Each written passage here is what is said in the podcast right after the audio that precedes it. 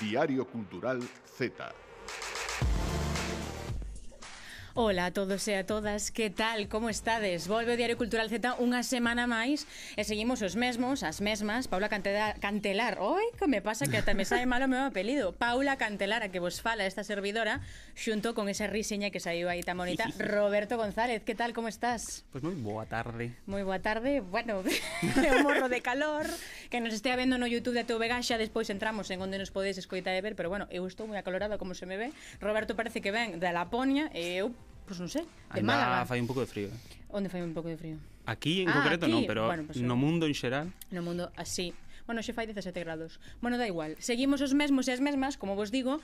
Germán na técnica tamén, xa sabedes, Germán, Germán, Gervasio, bueno, como sexa, pero temos unha novidade, Lucía Fernández na produción deste programa, igual que Maca durante a semana.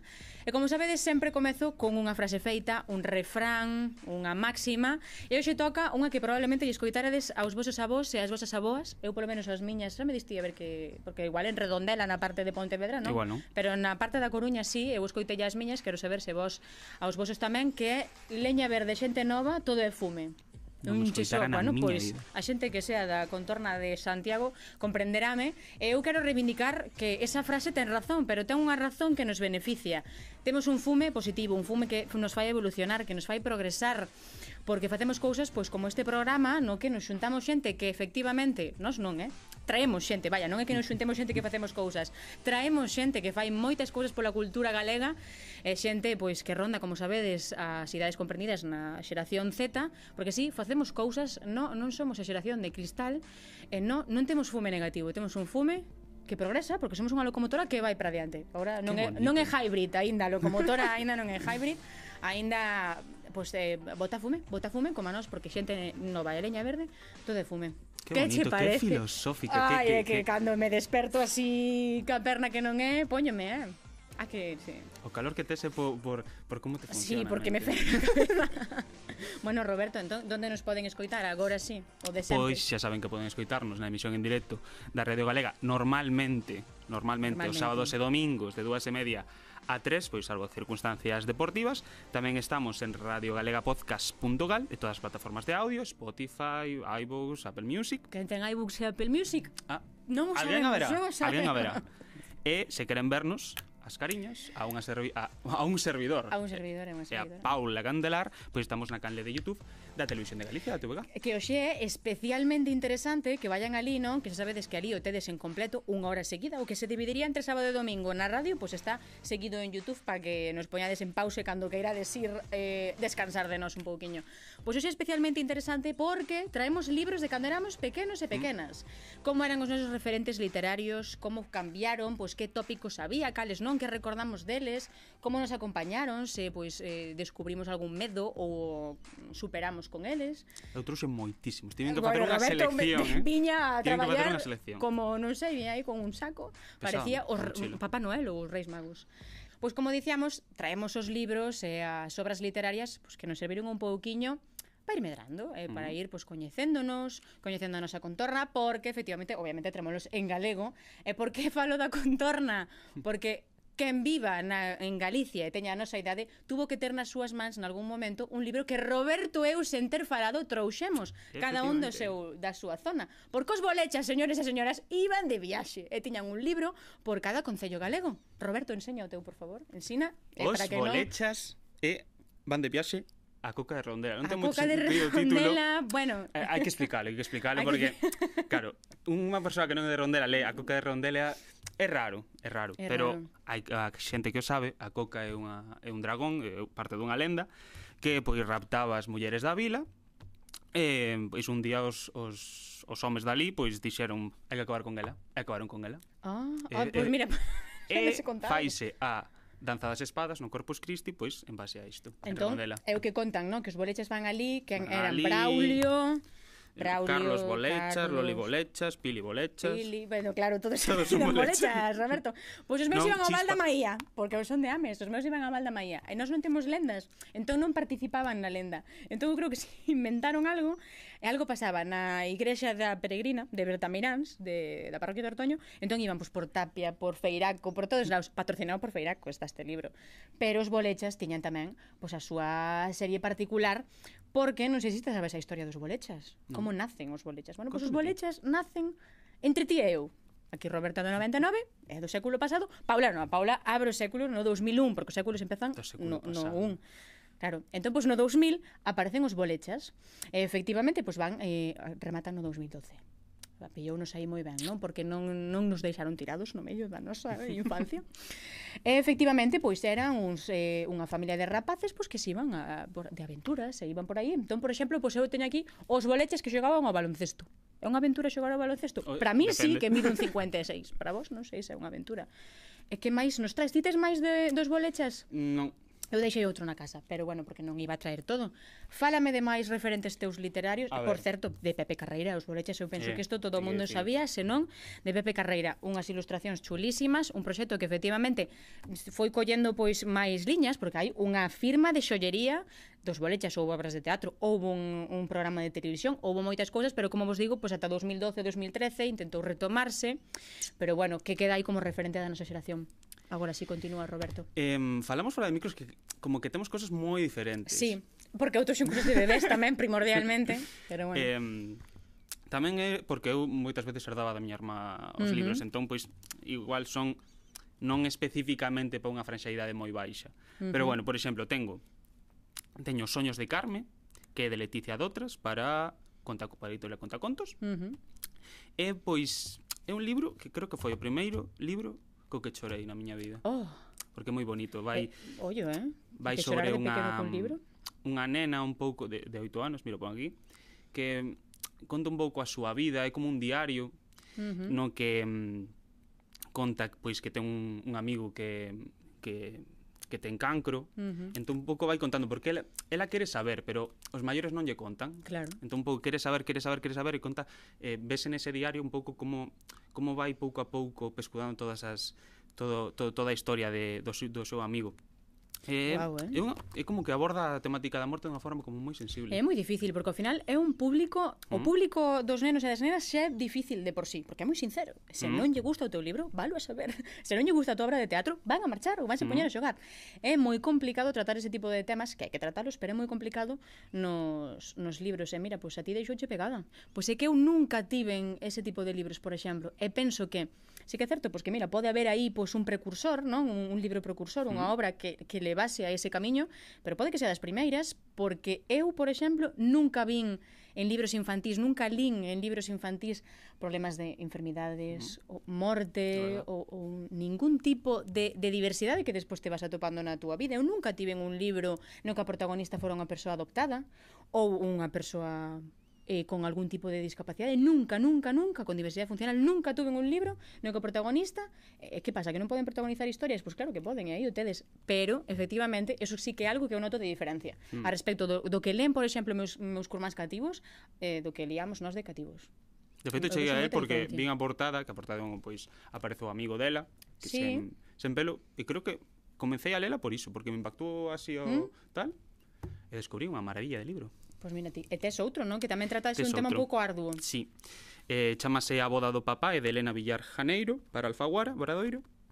Eh, conta un pouco pois eh, a historia dunha nena que perde a súa nai, é un pou, eh, ten que pois como facerse a, a adaptarse a esa vida sen a súa nai, o seu pai pois vai casar tamén. Uh -huh. eh, eh, é un pouco é unha persoa moi fantástica ela, creo. Segundo uh -huh. o que me acordo cando cando lin.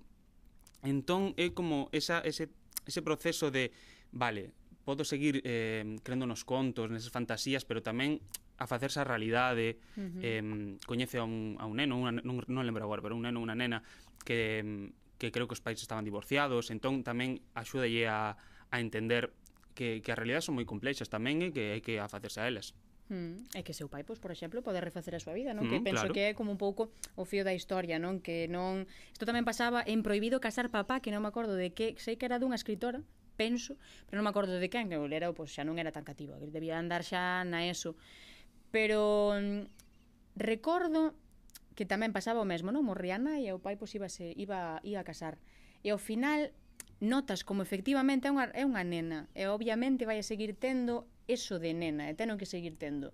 Entón, sen pasarse ao, ao serio, podes tratar estas problemáticas pois, da, do, do, do, do dolo, do, do falecemento dunha nai, dese, pois, que ainda que queiras entendas que teu pai pode seguir refacendo esa vida, que, que che costa, porque pois, hai aí moito dor, pero, mira, é moi importante, efectivamente, e debe ser moi difícil escribir para nenos e nenas. Hai que traer un día unha claro. escritora, ademais da Andrea Macías, que se pasou por aquí, para nenos e nenas, porque de verdade que ten que ser complicadísimo escribir coa óptica de Eu teño, pois imagina, 27 anos, estou escribindo sobre unha cousa que quero transmitir, porque ao final as, moitas das historias que se contan son as que unha mesma vive e sabe, pois, por exemplo, pois, que pasara tamén na, na infancia por un tema destes, e ser capaz de que o rapaz e a rapaza o entenda e entenda que non é algo raro, que é algo normal pero que tens que seguir sendo un neno ou unha nena e por eso tamén os produtos teñen que seguir sendo para nenos e nenas. Claro que está moi ben que haxa pois, pero... pois libros esos fantásticos e cuenten, está moi ben, os nenos teñen que te ler tamén uh -huh. ese tipo de libros, pero tamén pode darse oportunidade para os, para os nenos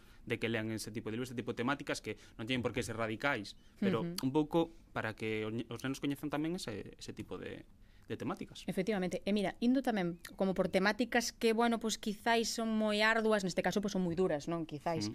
Pero por exemplo, pois pues, que nos parecen un rollo, como pode ser o medio ambiente. Eu recordo que teño aquí un dous libros para que en este no YouTube xa sabedes que o podedes ver, os que non. Son os Formigón. Isto é unha unha serie de libros dunha pandilla que tiñan un comité ambiental na escola Obviamente, esta, eh, esto, esta serie de libros, que hai moitísimos máis, está eh, pues, mañana manda Xunta de Galicia, eh, foi creado pois no Xacobeo 2004, imagina, Mima. pola Consellería de Medio Ambiente, como é, é obvio, Pero ao final faiche, faiche entrar nuns problemas que como ti ves, pois que son rapaces, pois como a ti, eh, ou que imaginas, claro, que son rapaces como a ti, pois ao final eso cala en ti. Eh, iso que me parece complicado, calar mm. nos rapaces nas rapazas, estar non a súa altura para escribir, pero a súa altura para transmitir.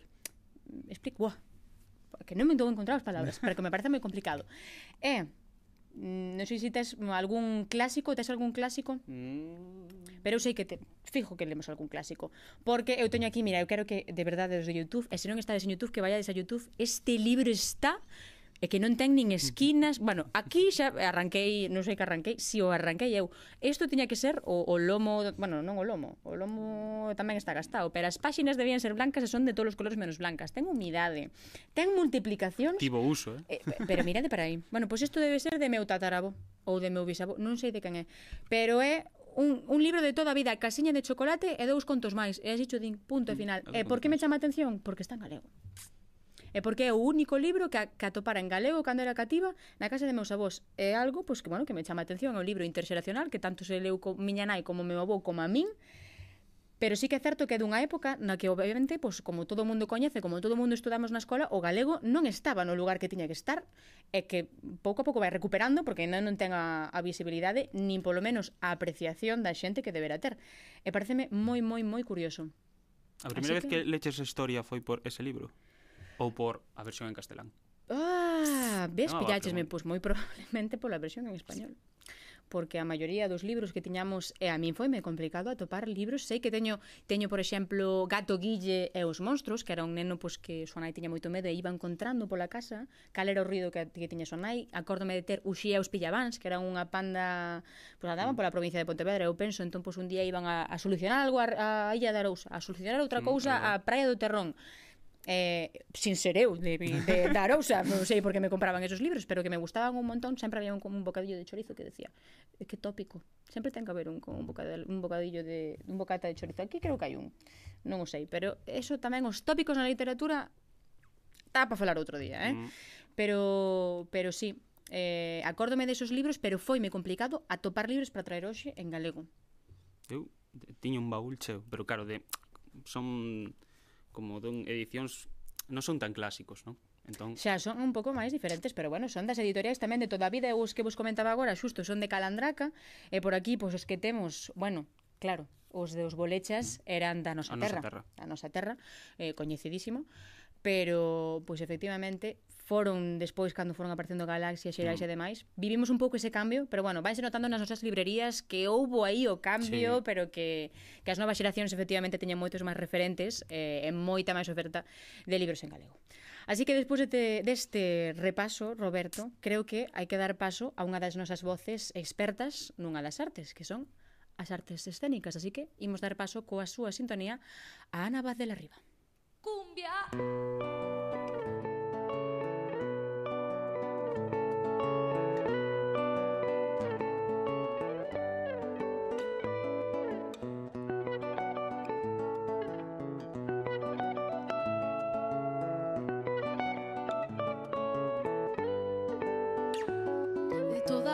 chaman de louca Só polo meu cantar De toda a vida chaman de louca Por andar a soñar De toda a vida chaman de louca Pois escoitamos efectivamente Cumbia para quitar as penas, que é a sintonía da Nava de la Riba que nos vai traer pois a efervescencia das artes escénicas. Hola Ana, que tal?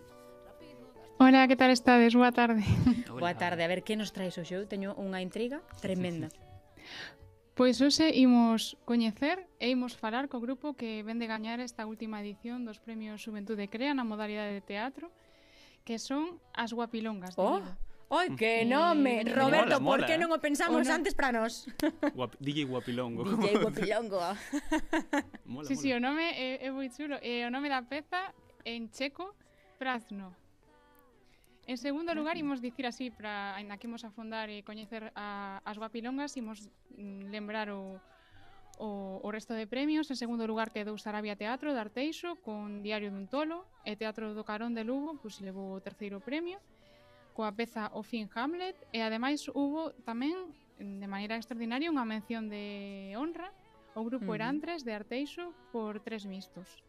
Pero, como dicíamos, o primeiro premio foi para as guapilongas eh, imos presentar quen son as, as guapilongas. Pois as guapilongas son as actrices Isolda Comesaña e María Fariñas, a dramaturga Sandra Beiro e a iluminadora Amelia Pollato, que se coñeceron na Escola Superior de Arte Dramática de Galicia, na ESAD. E Sandra, contanos un poquiño como surdiu Prazno. Pois sendo completamente sincera, eh, a principal razón de que Prazno estea entre nós E a necesidade de graduarse das de Galiza, xa que é o traballo de fin de estudos de María, Isolda e máis eu, pero tamén está aquí porque queríamos tratar o tema da identidade, de como os roles de xénero afectan a súa construcción dende unha perspectiva íntima e porque queríamos ser feas, grotescas e unhas verdadeiras porcas en escena, non? Eses son os nosos puntos de partida. E a partir deles comezamos a creación da peza e da súa dramaturxia nun proceso completamente colectivo, é unha peza que ten un pouquiño de cada unha de nós, é unha peza que es, creouse a partir da metodoloxía de teatro laboratorio. Sabes que os puntos de partida son interesantes. Mm. Eh, a partir de deses puntos de partida, non, non partían dun texto previo, senón que, que tiñan todos eses detonantes e eh, quiseron serar un espazo seguro en que poder experimentar e poder crear para desenvolver a, a dramaturxia da peza na sala de ensaio, como dicía Sandra, dun xeito colaborativo. Dende o primeiro momento tratamos a aula de ensaio como un lugar seguro, un lugar de cuidados, onde poder investigar, onde poder crear, onde poder debater e onde poder desfrutar do proceso e da nosa profesión. Non somos moi afins á idea do artista trásico con procesos creativos tortuosos. Iso sí, non podemos negar que, tráxicas ou non, houve moitísimas artistas que nos serviron de referente e de inspiración para todo este proceso creativo, entre as cales destacamos a compañía de teatro danza Pipintón, ou a directora checa Vera Chitilova e as súas obras Margaridas, ou as figuras de Marilyn Monroe, Lana del Rey e Britney Spears. Mira que non son variadas. Vamos, de sí, Britney eh? Spears a Vera Chitilova sí. Teñen aí un, unha mestura eclética de, de mm. referentes e eh, mesturan eses referentes tan variados e, e interesantes eh, para abordar cuestións como, como víamos antes, non da, como a identidade, a deconstrucción feminina, a partir do emprego de diferentes linguaxes. E Solda faranos un poquinho de como as artellaron. Prats Noé, unha peza de carácter multidisciplinar na que tratamos a deconstrución ou desconfiguración da feminidade, dende o xemónico cara ao grotesco. E para isto decidimos utilizar distintas linguaxes escénicas como o texto, o baile, o teatro da imaxe, música en directo, e cunha estética entre o naturalismo e o onírico. Toda esta viaxe tratámola dende o íntimo e cunha ollada feminista, A peza sucede entre as catro paredes dunha habitación, na cal as personaxes van transitando por distintos modelos de feminidade. Prats Noé, en última instancia, o tránsito de dúas rapazas que, a pesar de estar pechadas na súa habitación, son tamén permeáveis aos constructos patriarcais. Vemos que, que para as guapilongas, a pesar de, de que querían, e como comentaba, non pasalo ben, é unha peza que, que, na que querían desfrutar, pero que tamén ten unha componente política importante polos temas que abordan, pero tamén como os abordan. A obra ten un claro trasfondo político, sen querer ser panfletarias, pero sobre todo hai tamén unha reivindicación do amor, da amizade e da autoaceptación. A famosa frase de Kate Millett, o persoal é político, acae ben o que amosamos aquí, entendendo tamén que aceptarse a unha mesma e a outra como compañeira e priorizar o cuidado mutuo e a tenrura é tamén revolucionario. Eh, despois, hai unha cousa que eu facía nas, nas temporadas anteriores e que, e que quixen rescatar que uh -huh. é preguntar a, cando había así algún nome que me parecía interesante, pois preguntar por el. Non preguntei polas guapilongas porque o nome tan sonoro que realmente penso que é mellor Son guapas e molongas. Son guapas e molongas. Sí. Pois pues está. Sí. Xa, ten, xa, te, xa di moito o nome en sí, mm. pero sí que quixen saber neste caso, que me parecían tamén que podía ser interesante, que nos falasen de por que escolleran Prazno. Prazno é unha palabra checa que significa baleiro, tanto nun sentido físico de que algo está baleiro, como nun sentido existencial de que ti te sintes baleiro ou Valeira. E o tema de por que checo, bueno, pois eh, o checo era o idioma de Vera Chitilova, e a directora esta que tiña que ten a película As Marguidas, que nos serviu como de referente durante todo o proceso, que foi como a nosa inspiración inicial e máis potente. Tamén porque, bueno, María e Solda viñan de facer un Erasmus en Chequia e querían, pois, incorporar nun momento a linguaxe o idioma checo E o tema do baleiro pois é un concepto, o sea, está dentro do marco conceptual no que estábamos traballar, o concepto de baleiro plenitude. Apúntame esta palabra, eh? Prazno. Prazno. Mm? Mm. Vamos aprender checo tamén aquí no Z. sí. Estamos pa todo. E despois tamén outra cosa moi interesante é que gañaren eh, o primeiro premio do Xuventude Crea na modalidade de teatro con esta peza que, como dicían, ven de sair do forno porque foi o seu traballo de fin de estudos o traballo de fin de estudos de Sandra, de Isolda e María, e despois contaron para el coa iluminación de Amelia. Isto que, que lle supón? Pois unha, unha remuneración económica de 3.000 euros, pero tamén a posibilidade de ter formación e mentorizarse para desenvolver o seu proxecto e ver a posibilidade de formar en unha compañía. Podemos dicir uh -huh. que este ano, eh, 2023, é o primeiro en que o certame ofrece esa posibilidade ademais dos premios económicos e o recoñecemento, pois a posibilidade de que os grupos gañadores teñan a posibilidade de acceder a esa formación e axuda pois para, para comenzar nos seus inicios profesionais. A media, contanos o que significa para elas recibir este premio. Pois supón moita ilusión. Ter gañado o primeiro premio supón un recoñecemento do noso traballo. Gañar o certame, máis alo do premio monetario, permítenos acceder a información necesaria para montar unha compañía. Estamos a espera de detalles ao respecto pero esperamos os datos sobre o curso con moitas ansias. A experiencia de presentar o noso traballo na xuventude é moi enriquecedora. Ter levado o ouro ao Salón Teatro foi unha experiencia maravillosa como artistas do teatro que aínda non están acostumadas a traballar en lugares fora da escola.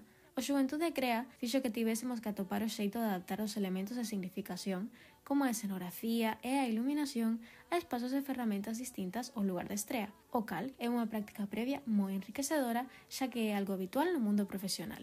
Estamos moi contentas con a nosa experiencia no Xuventude Crea e, obviamente, con telo gañado. Quería saber tamén a Que ver normal. que notas sacaron no traballo de porque isto te que tuvo que levar un 10 tamén. Seguro. Digo eu. Pois pues ese dato non lle preguntei, non quise ser indiscreta. ah, pois ves, eu preguntaría, Joana, eh, eu son unha periodista, xa vos digo que eu lle digo periodista deses que van ao a todo. a, a sacar a chicha. A todo, todo. Pero de todos os xeitos sí que é interesante eh, están, están moi contentas e é normal porque aquí no Z tamén é algo que xa vimos, non? Que gañar o Xuventude Crea, eh, se xa o primeiro premio como Me va Deus, que xa pasou por aquí, ou, ou algún outro dos premios como Xebra, que tamén estivo no Z, falamos con finalistas como eh, Mutismoa Teatro, como Vicus Teatro, eh, realmente pois para, para todos estes grupos pasar polo Juventude Crea foi un, un apoio, non? Un, un mm. pulo. Mm. Eh, as guapilongas aínda teñen que ver agora como como van facer, se van continuar con Prazno eh, e se dan o paso para converterse en compañía, xa que algo con que elas pues, non contaban, a verdade, como nos explica María. Pois actualmente estamos tanteando posibilidades. Dende un principio, Pratsno naceu como un traballo de fin de estudos, sen perspectiva de futuro. Todas as integrantes tiñamos plans unha vez finalizada a escola, polo que non tiñamos previsto movelo. Pero é certo que namorámonos do resultado final e vimos que tiña impacto no público, así que foi así como abrimos unha xanela a posibilidade de seguir movéndoa. En tanto a creación dunha compañía, pois é unha tema que temos pendente a falar. Creo que non nos pechamos a ningunha posibilidade, pero agora mesmo cada unha de nós está vivindo nun lugar distinto, con un proxecto distinto, e sabemos que crear unha compañía implica tempo, dedicación e moitísima responsabilidade. Así que como grupo, o principal é que queremos tomar todo este tipo de decisións dende a uniformidade e a seguridade de, do que realmente queremos. Non me digas máis, Ana, unha está na República Checa, vamos, 100% asegurado. O sea, que din que están, están separadas. Están por aí. Claro, entón agora, pois, imagina, acabas os estudos e, e non pensas aínda en, en, en formar compañía así dunha maneira tan rápida e tes aí a posibilidade e pois, cada unha xa tiña os, os seus plans. Entón agora pois están vendo posibilidades. Eu quería que nos disesen xa datas, lugares para ir ver Prazno porque quedamos coas ganas pero din que están a repousar un pouco que van ver ben todo e que irán informando pois de datas, de como vai a formación e de como vai todo. Así que se vos parece, pois pues, deixamos aí o, o perfil de Instagram, uh -huh. que é Prats no Teatro, eh, teatro.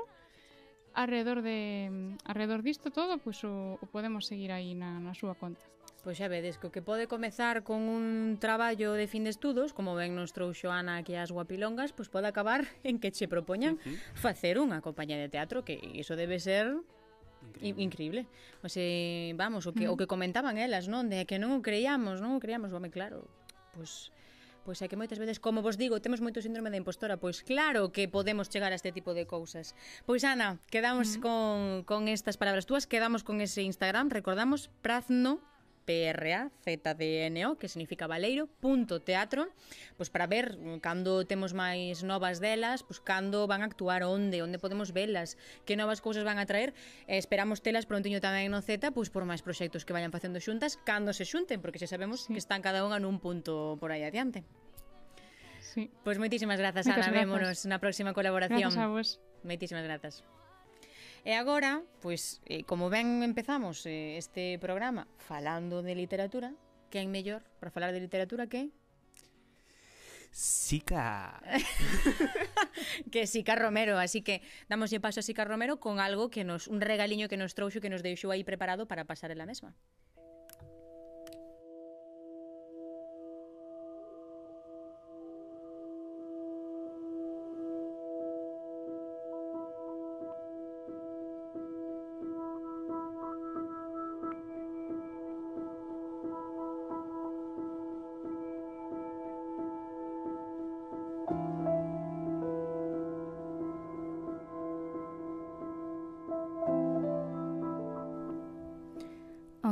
calor fan que a vexetación medre rapidamente.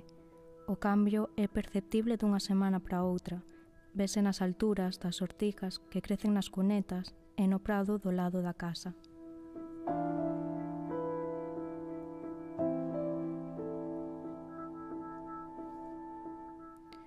Algún can ou algunha persoa debeu andar en busca de algo. Nótanse as liñas e os rastros feitos ao paso dende a fiestra do meu cuarto.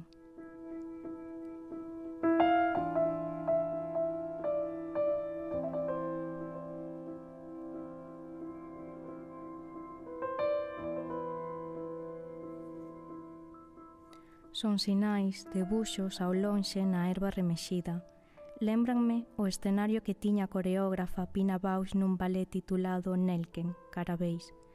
Na obra recrean un decorado de fondo escuro e no chan aparecen milleiros de carabéis colocados verticalmente, como se estivésemos observando un campo.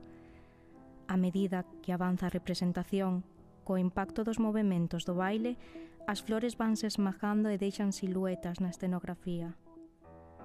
Dicir beleza, emoción, intensidade soa baleiro. Parecen palabras que se pronuncian a lixeira.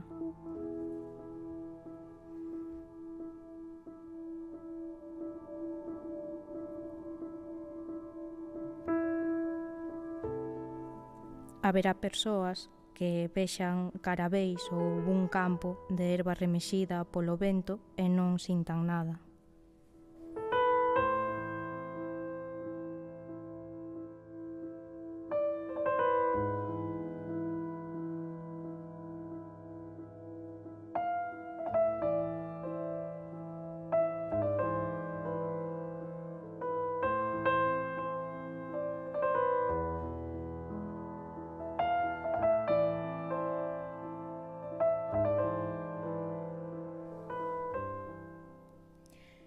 María Villamarín fixo xornalismo, estudos literarios, publicou xa un par de fanzines, dice así? Sí. Ou fanzines? Fanzines. fanzines. Eu digo fanzines. Eu digo fanzines. ¿no? Bueno, xa vale. se descubriu ela mesma. Hola, María.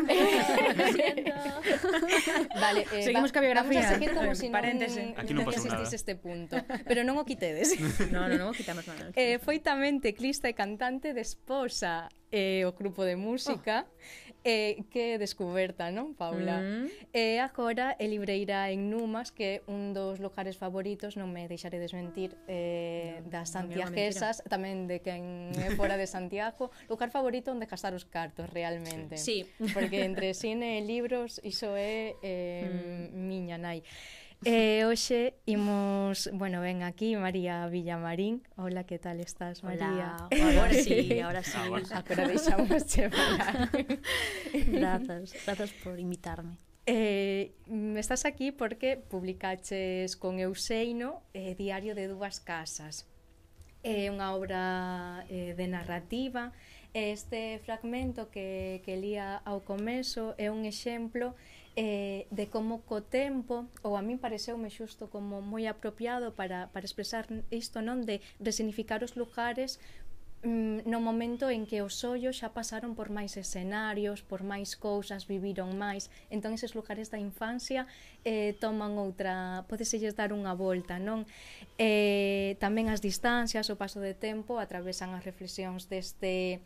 A ver, deste diario literario, Sí, diario ¿Sí? literario. Vale. Sí, sí, sí. Punto para. Moi ben, positivo. eh, unha frase en concreto que a min doeume na alma, pero creo que precisamente porque eh, son temas que temos moi presentes na uh -huh. nosa xeración, e eh, hai unha fisura, información que se perde e que xa non me dá tempo a aprender dos avós. E ben xusto non deste eh, partir o, o paso do tempo, o deixar un lugar para irse a outro, de onde ven iso e explícanos un pouco mellor eh, de, de onde sae? E esa frase en concreto era algunha sensación máis de eh, sentir que mm, moitas veces a xente que tes máis cerca de ti, a túa familia, a, eh, os teus amigos, moitas veces, mm, a sensación de que non coñecemos todo, todo, todo, todo, todo o que nos gustaría deles, que hai como sempre moitos silencios, moitas cousas que que non se din, aínda que mm, se transmiten. Que sí, uh -huh. aínda que se transmiten ou que bueno, que tamén a veces che deixan o teu espacio para construir eh, o que ti queres creer, non? O que sí. ti queres o teu relato. Claro. Uh -huh. eh, pero bueno, o, mm, o libro en sí sí que sería un diario literario. Eh, nace de dous fanzines que eu xa autopu autopublicara eh, antes. Este, este libro é como que os une. Eran cousas moi diferentes, pero eu creo que os dous textos xuntos que pegan moi ben. Uh eh, hai como un relato así un pouco moito máis escuro, máis así eh, de entrada o que conto despois, mm. e logo o diario propiamente dito que sae dos cadernos que eu tomo dende que acabei a carreira e que mm, no que escribo moitas veces por aclararme. Claro. O sea, oh. todo... A mí pásame, pásame, pero acumúlaseme eso de, mm. de soltalo. Eh, mm. E aí está, o notas do móvil, bueno, Claro, sí, eu escribo moito tanto no a man como nas notas do móvil e logo cando teño tempo eh, sin presións xa xa é algo que me gusta facer porque me axuda moito a mm, mm, poñer en palabras mm, escribir a man axúdame a mm, ordear, a ordear os sentimentos. Uh -huh. eh, non sei se conocedes a Siri Husbel que é unha eh, escritora famosísima, recoñecidísima, levou o premio Princesa de Asturias hai unha, sí, dous un anos, anos tre, sí. un par de anos, mm. e, e xusto escoitei entre onte e hoxe unha conferencia, porque ela tamén neuróloga, e, bueno, é un, unha cabeza mm -hmm. impresionante, mm. no que fala de como escribir dende as emocións, dende esa parte, bueno, pois pues máis eh, formato diario, mm eh, está estudado e comprobado por os estudos que agora aquí non vou a mencionar porque non os anotei. Eh, que, por, pero, eh, Miami eh, me lo confirmo exactamente, Miami me lo confirmo que fai a xente máis feliz porque eh, ese ordenar os pensamentos eh, é unha necesidade que temos mm realmente neste mundo eh, apresurado. No, iba che decir que te quedaras xustamente así, porque estabas escoitando un pouquiño mal, e xustamente, pois pues, se me escoita a mí mal da igual, porque digo tonterías, pero xustamente así, Estabas escoitando un pouquiño mal, agora perfecto, agora perfecto. Non te preocupes que Gervasio está sempre atendendo, xa lle subiu o volume. Como me fixeches unha sinal así de aquí, pensei que se me estaba vendo algo e dixen, mm, eh, non, pero vamos a ver, isto non é tan ah. doado como que vale, vale. Retomamos, retomamos. Todo ben colocado. Retomamos. Eh, despois están presentes, aparte destes temas que ti xa nos comentastes, eh, outros como o desarraigo, a fuxida da aldea para facer vida na cidade, e eh, eh, a partir dai hai moitas reflexións, non? Como as posibles vidas non vividas, ou mellor vidas que se asemellarían máis ás desa aboa ou, ou avó eh, que exigen na aldea, da nai. Mm. Eh, hai unha outra cita que di estar entre dous mundos que é algo moi literario e a vez metafórico mm. eh, transitar entre eles movéndome do un ao outro se sentirme parte de ningún eh, estas reflexións mm, eu creo que conforman unha parte de, de nós, non como, como xeración. Eh, por que unha primeira novela con estes temas? Xa nos dixestes que partía deses diarios, entón hmm. aí xa temos unha pista. Son, claro, cousas que a mí me rayan profundamente. é que me estou sentindo tan identificada con claro. María porque literalmente todo todo o que acaba de decir, sí, que a min sí. pásame esa, ese distanciamento dos y, avós, irte e do rural. É cando te das conta do universais que moitas veces son estes temas. Mm. Eh, eu dinme conta falando cos, cas miñas amigas e cos meus amigos, cando todo lle contabas pois, pues, como te sentías ou algo que che pasara cando fuches a túa casa e mm. tu aí che dixo pois pues, as barreiras. sí, mm. eh, e, e o falas e eles pois pues, exactamente o mismo. Entonces, aí é cando sí que percibín que mm, todo isto era moito máis universal do que mm, do que pensaba, vamos. Claro. E eh, despois, pois pues, está moito... A mí non me gusta eh, igual falar tanto de fuxida do, dun, da aldea como a cidade, porque claro. eu creo que moitas moitos destes sentimentos mm, pois tamén nos poden percibir así persoas que igual xa non viven cos pais na casa uh -huh. e que incluso dentro da cidade cando van e pasan tempo coa súa familia, uh -huh. eh, estas distancias xeracionais ou eh, tamén as sinten do mesmo xeito. Non, Digamos eh, que é unha barreira xa máis alá do espacio, do espacio. e do algo físico, hmm. eh, senón que se sinte por por diferencias que inevitablemente de, do contexto van sí. estar por os cambios mm. sociais evidentes que ten, bueno, que, que sempre pasou, non somos a primeira xeración no, en sentirnos no, no. distintas. No, no, Exacto. Nada, claro. Eh, escribe esta sensación eh, de descoñecer a quen temos máis preto, de barreiras, destas que estábamos falando, non eh, ao levar unha vida diferente da familia, eh, eh, pero hai esa dualidade de, de por unha parte toparse con esas barreiras e eh, eh, sentirse lonxe e por outro lado ter a necesidade necesidade dese eh, contacto, ese apoio destas mesmas persoas, non mm. quede eh, ni contigo ni sin ti que é unha frase horrible, super tóxica, pero é moi eh, sí, iba a decir que é sensitivo.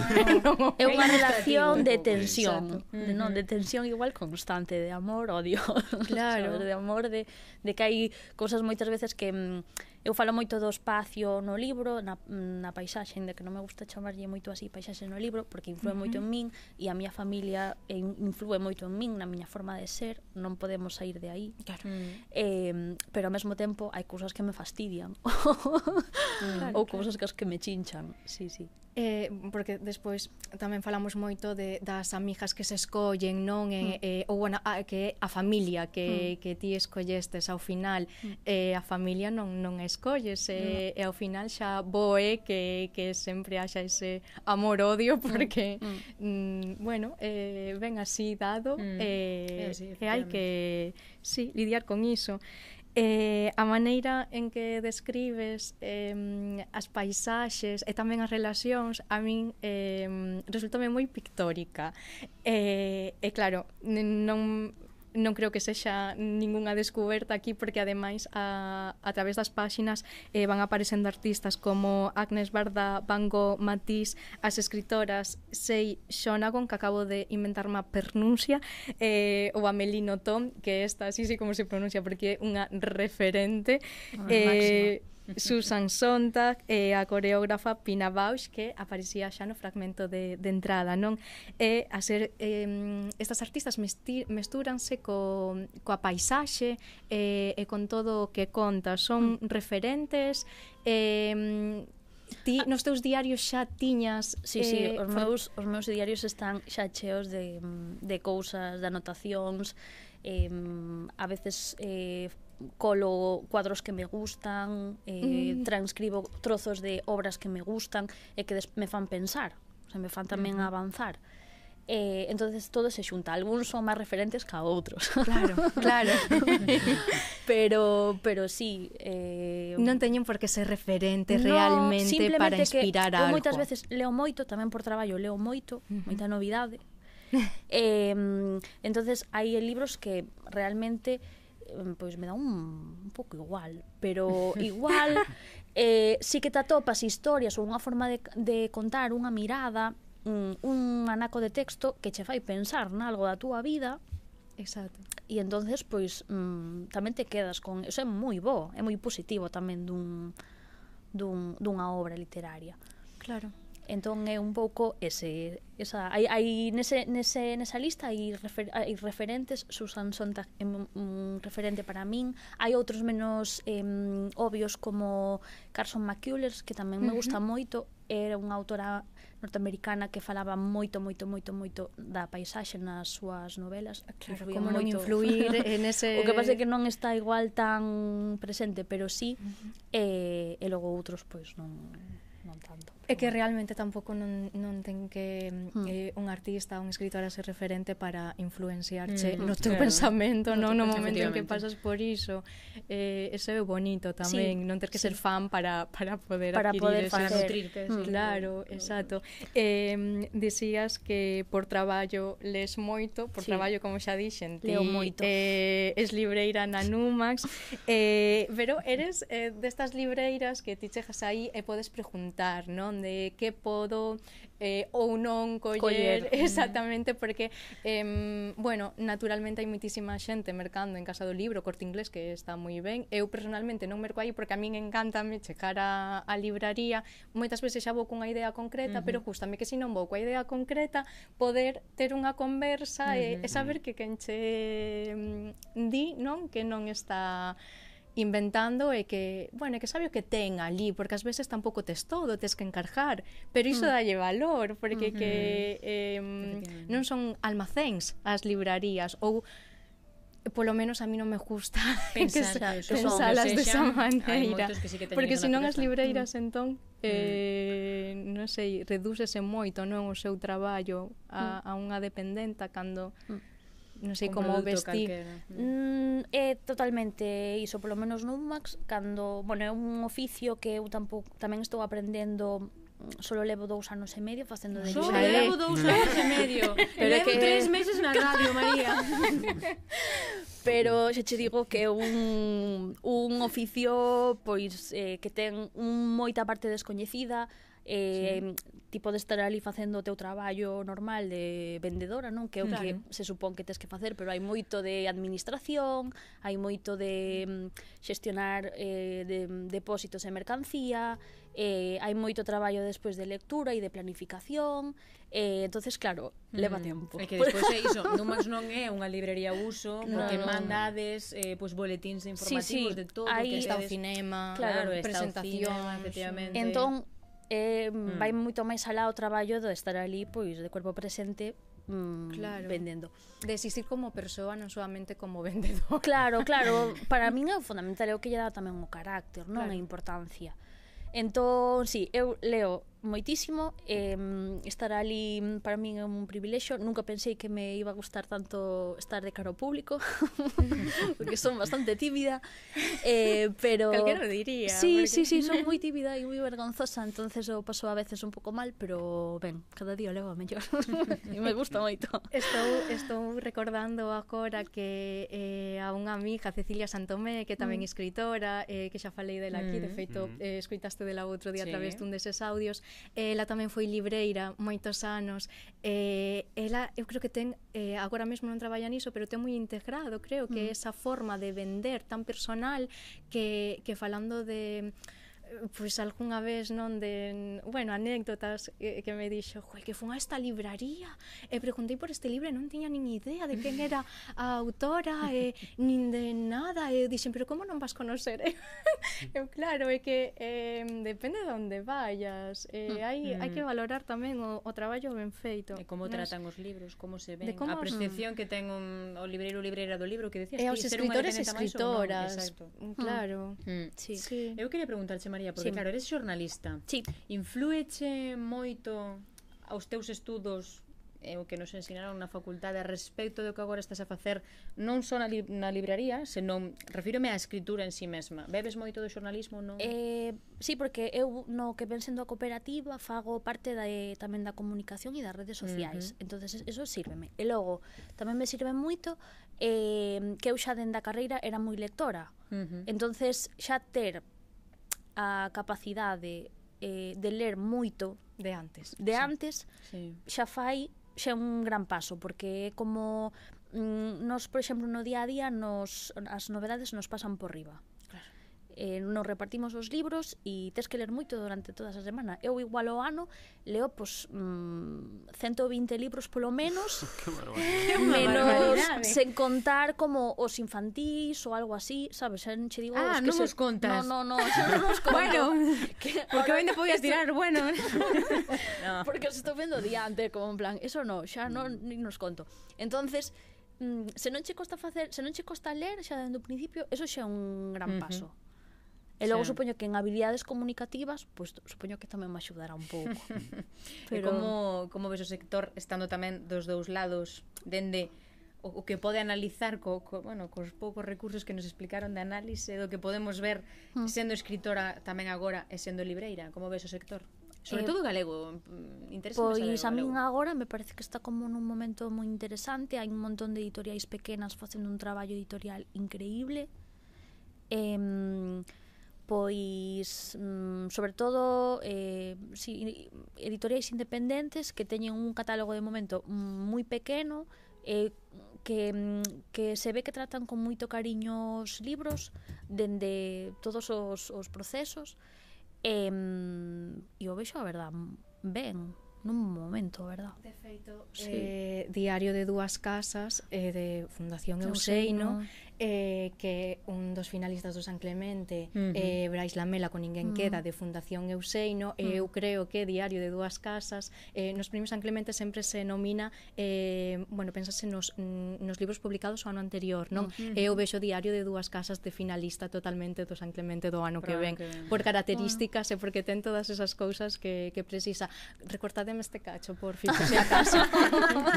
porque no, si, ser que mancha a imaxe no, de... É que si despois, si despois pasa casa eh, claro. quero verme aí como pitonisa o que facemos un reel aí decimos Sica sí, Romero xa o sabía pero non agora o ano que ven. Claro, claro o sea, que ven, ven. estamos pensando ah, pues, en 2024 exacto. Pois pues mira preguntábamoslle a María Villamarín que hoxe nos visitou no Diario Cultural Z como está o sector da literatura galega. Pois pues, hoxe está moitísimo mellor porque efectivamente está Diario de dúas casas que xa vemos e xa sabemos aquí nesta mesa que ten moitísima andadura por diante e moitísima moitísima máis que esperemos que teña tamén María Villamarín como escritora.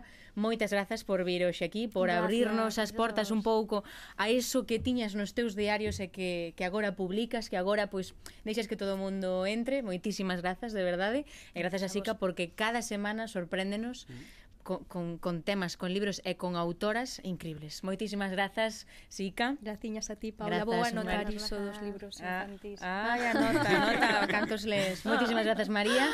E moitísimas grazas, Roberto, e porque efectivamente... Grazas, Paula. claro. E grazas, Germán, grazas, Lucía, e grazas a todos e todas que nos escoitades, que nos vedes por Instagram, que nos vedes no YouTube, que nos escoitades na radio en, ou en calqueira das plataformas de audio. Moitísimas grazas por estar aí. Marchamos, pero pero volveremos a semana que ven. Música y Germán.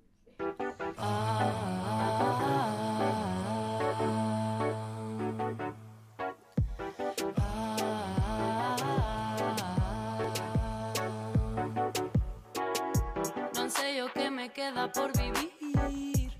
Ah, no sé yo qué me queda.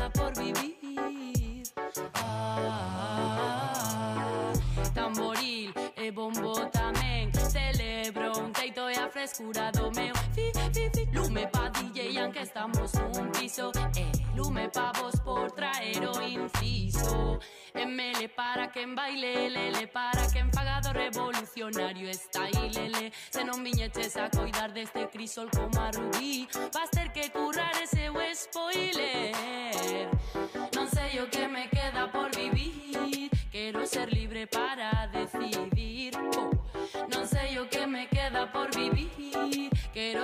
mártires, ya llegó de mártires, chicho. No sé o que me queda por vivir, pero sei que non quero acabar como Charlie. Cando escoite esto vai querer pegarme, pero que lle jodan porque todo volve, non sei o que me queda por vivir, pero sei que vai ser bo porque eu quero así. Non me importan os demais tunantes Eu solo estou aquí Facendo hits como os de antes Pero ahora, y como siempre, con Paula y con Joao, que estará.